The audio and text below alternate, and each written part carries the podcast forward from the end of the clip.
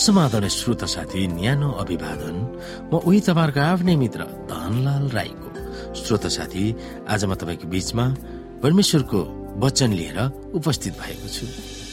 आजको यो परमेश्वरको वचन वा बाइबल सन्देशको शीर्षक रहेको छ परमेश्वरको भय मान वा उहाँप्रति श्रद्धा देखाउ र उहाँलाई महिमा देऊ भन्ने बाइबल सन्देशको उपसंहार।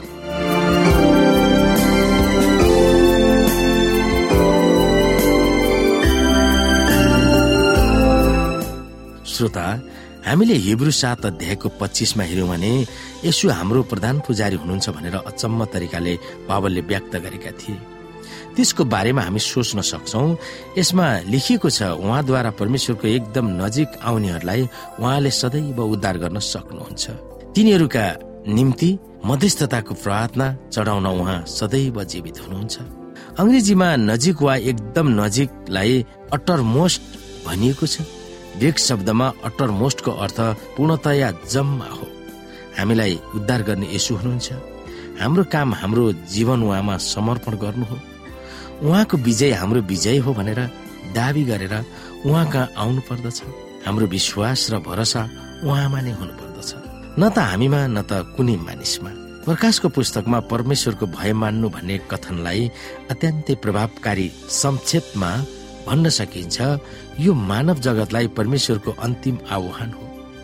महिमित र महान ऐश्वर्य परमेश्वरलाई आफ्नो भनेर चुन्न सक्ने जो पनि खराब वा शैतानका तत्वहरूका शक्तिहरूको सामना गर्न उहाँले शक्ति सम्पन्न गराउनु हुनेछ मानव जातिको उद्धारको निम्ति परमेश्वरले गर्नुभएको योजनालाई शैतानले जहिले पनि तहस नहस पार्न खोजिरहन्छ।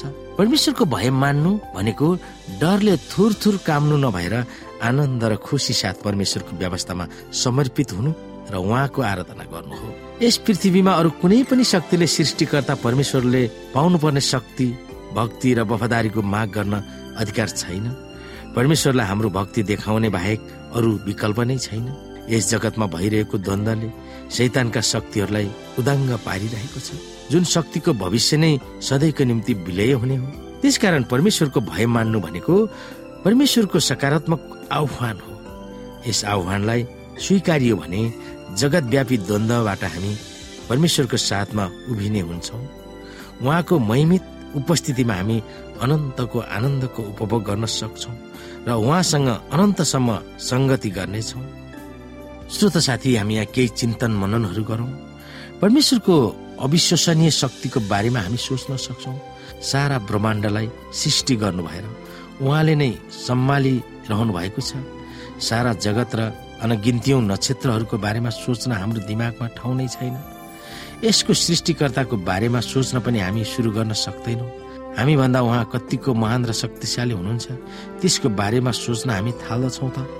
त्यही परमेश्वरले एक दिन हामीलाई न्याय गर्नुहुन्छ। यी कुराहरूले परमेश्वरको भय मान्नु र त्यसको अर्थ के हो भनेर अलिकति भए पनि बुझाउन हामीलाई सहायता गर्न सक्छ। जब हामी बाइबलीय धारणाको पवित्रता विजय जीवन बिताउनु र पापमाथि प्रभुत्व गर्नु भनेर चिन्तन गर्दा विधिवाद र परम्परावादलाई कसरी पन्छाउन सक्छौँ? अहिलेको जीवनमा चाहे हामी विजयी जीवन बिताउँ वा इसाई भनेर असफल जीवन बिताउँ हाम्रो मुक्तिको आशाको जग केवल हाम्रो निम्ति यसुले क्रुसमा के गर्नुभयो त्यसमा आधारित छ भनेर हामीले सधैँ याद गर्नुपर्दछ। पापबाट विजय जीवन बिताउन हामी सक्छौँ भनेर हामीलाई दिएका अनेकौँ प्रतिज्ञाहरूको बावजुद पनि हामी यसोको आफ्नै जीवनले निर्धारण गर्नुभएको नमुना अनुसार चल्न किन कतिपय समयमा असफल हुन्छौँ? हामीले के भुल गरिरहेका छौँ?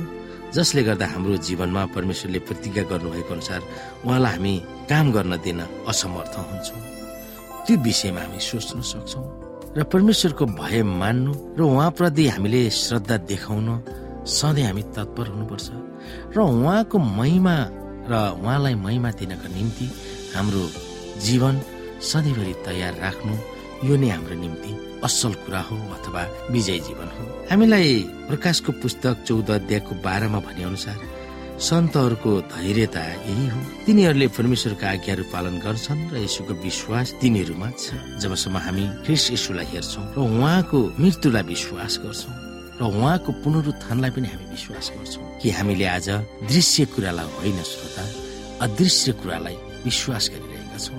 जुन चाहिँ विगतमा भएको घटनालाई हामी हेर्न सक्छौँ। तपाईँ र मेरो निम्ति यशु ख्रिस्टले संसारमा साधारण मानिसको रूपमा जन्म लिनु भएको थियो तर उहाँ हामी जस्तो साधारण मानिस हुनुहुन्न थियो उहाँ असाधारण परमेश्वरको पुत्र हुनुहुन्थ्यो। तर पनि उहाँले गिल्ला तिरस्कार र निन्दालाई रोज्नु भयो ताकि त्यो कुरामा हाम्रो विश्वास छ कि छैन? हामी धैर्यताका साथ उहाँको त्यो कार्यलाई हेरिरहेका छौँ कि छैनौँ? यो कुरा हामीले बुझ्नु पर्दछ कि परमेश्वरको जुन भएछ त्यसलाई मान्नु र उहाँप्रति एकदम श्रद्धाले हामी प्रति गर्नुभएको प्रेमको कारणले उहाँमा हामीले श्रद्धा राख्नु अति र उहाँलाई हामीले महिमा दिने यो कारण कि उहाँले हाम्रो निम्ति संसारमा जे गर्नुभयो सारा मानव जगतको लागि थियो। त्यसै कारणले गर्दाखेरि त्यस्तो महिमित ईश्वर अथवा परमेश्वरको पुत्रलाई हामीले महिमा दिनु पर्दछ त्यसो भयो भने हाम्रो आत्मिक रूपमा उन्नति हुन सक्दछ।